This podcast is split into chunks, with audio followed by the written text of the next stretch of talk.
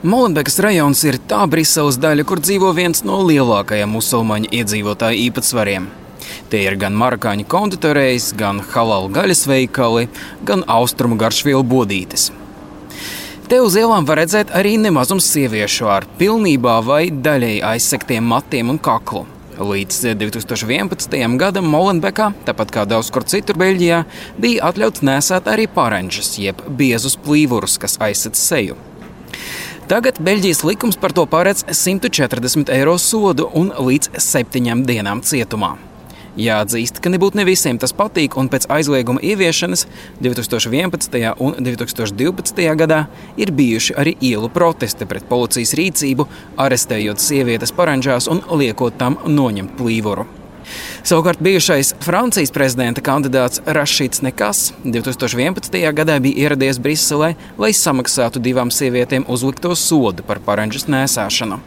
Nekas arī nodibināja fondu, kas solīja maksāt katrai sievietei uzlikto sodu par šo pārkāpumu.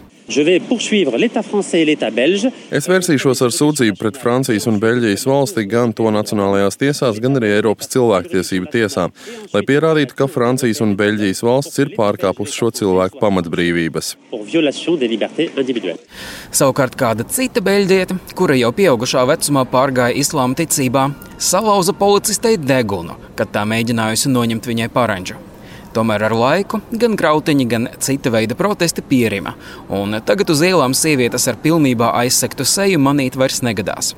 Arī Beļģijas konstitucionālā tiesa atzina likumu, kas aizliedz pilnībā aizsekt seju par atbilstošu valsts pamatlikumam. Vēl pirms Beļģijas līdzīgs aizliegums tika ieviests arī Francijā. Tas notika prezidenta Nikolā Sarkozī laikā. Toreiz uzrunājot parlamentu, viņš skaļi paziņoja, ka paranģa nesāšana aizskar un apspiež sievietes.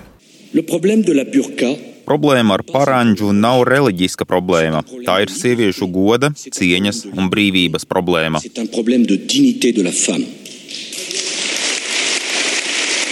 La Mēs nevaram pieņemt, ka mūsu valstī sievietes tiek ieslodzītas aiz plīvura, nogrieztas no sabiedrības, atņemot viņām identitāti. Tas nesaskan ar Francijas republikas priekšstatiem par sieviešu godu un cieņu. Parāņģa nav reliģisks simbols, bet gan pakļaušanās simbols. Pēc likuma pieņemšanas kāda gados jauna Francijas pilsone vērsās Eiropas cilvēktiesību tiesā, norādot, ka ir pārkāpta viņas izteiksmes brīvība. Tomēr tiesa atzina, ka šis aizliegums ir likumīgs, jo balstās uz noteiktas idejas par pilsoņu kopīgu līdzās pastāvēšanu valstī. Tāpat Francijā ir arī būtiska ideja par valsts un reliģijas simbolu nodalīšanu. Tādēļ, piemēram, arī skolās ir aizliegti gan kristiešu krusti, gan ebreju zvaigznes, gan arī kādu musulmaņu vai citas reliģijas simbolu. Citur Eiropā aizliegums pilnībā aizsegt seju ir spēkā vien atsevišķos reģionos vai pilsētās. Šādi likumi darbojas piemēram Šveices Ticino kantonā, kā arī atsevišķās Itālijas un Spānijas pilsētās. Pārsvarā tie ir balstīti argumentos par nepieciešamību radīt varas iestādēm iespēju cilvēku atpazīšanai un identifikācijai. Savukārt Dānijā jebkādi reliģiskie simboli ir aizliegti tiesnešu vidū, lai neradītu šaubas par viņa objektivitāti. Arī citviet ierēģiem ir liekts aizsegt seju vai pat matus. Par aizliegumu nesāt paranģes ir spriests arī citās Eiropas valstīs, piemēram, Nīderlandē un daļai arī Vācijā un Šveicē. Tomēr līdz konkrēta likuma pieņemšanai nacionālajā līmenī politiķi tā arī nav nonākuši. Juristi šajās valstīs ir izteikuši pieņēmumus, ka diez vai tādi likumi varētu atbilst minēto valstu konstitūcijai.